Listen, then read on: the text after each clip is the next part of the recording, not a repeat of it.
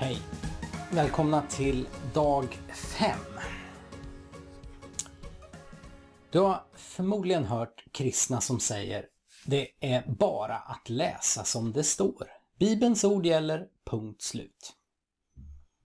Och även om den svartvita metoden kan låta lugnande för vissa finns det i princip inga kristna som har den inställningen till Bibeln i praktiken.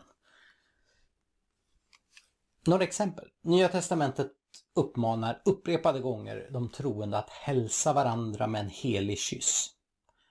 Men de flesta kristna följer inte det här budet. Varför inte?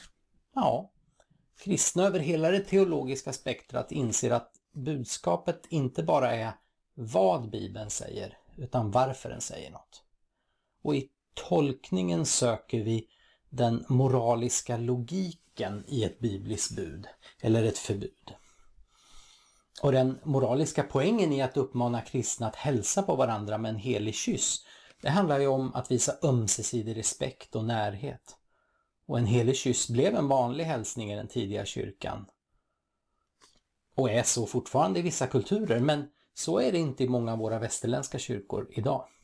Så följaktligen hälsar många kristna på varandra idag på andra sätt utan att ha dåligt samvete för det. Bara så länge man upprätthåller regelns varför. Och då blir man inte längre orolig över att man bryter mot eh, skriftens bokstavliga vad.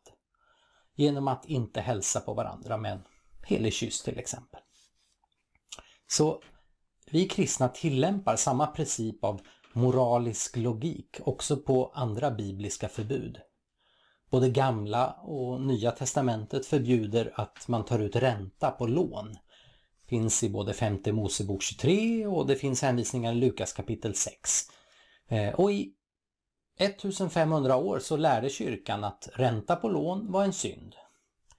Men på 1500-talet då förändrades västvärldens ekonomiska system och det blev allt vanligare att långivare tog ut en rimlig ränta på lån och att de här formerna av kredit hjälpte människor att starta företag och genom ränta och försäkringar så kunde man skapa en rättvis och balanserad fördelning av vinster och risker i västerländsk ekonomi.